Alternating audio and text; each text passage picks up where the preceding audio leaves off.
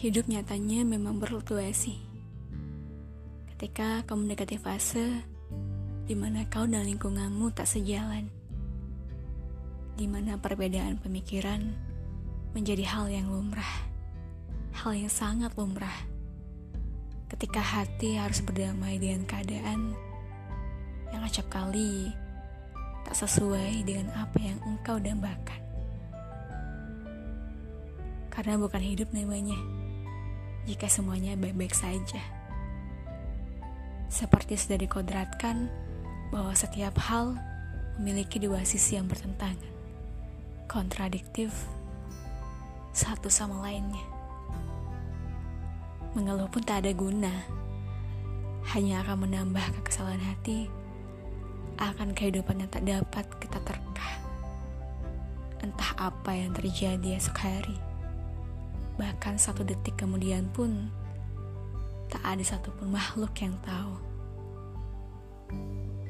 Estetika dari kehidupan adalah ketika kau belajar bahwa hidup memang tak selamanya mulus dan menghayatinya sebagai bagian dari peran yang harus kau jalani sampai nanti hingga waktumu di dunia habis dan peran di dunia sukses kau perankan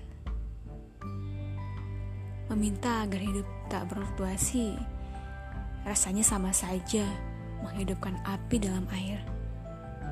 Kesia-siaan yang kau dapat. Nikmati saja, karena semakin menikmati hidup, akan semakin mengerti nilai estetika dari kehidupan itu sendiri. Hidup nyatanya memang berfluktuasi, berbeda ritmenya setiap saat. Terkadang kau berada di posisi puncak, aku berada di posisi paling bawah.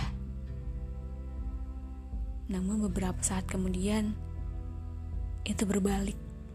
Aku berada di puncak, dan kau berada di posisi paling bawah. Jadi siapa yang mampu menerka fluktuasi dalam kehidupan ini? Air mata, canda taweh kesedihan, kekecewaan, amarah merupakan rasa yang Tuhan berikan yang menjadikan manusia sebagai makhluk yang sempurna.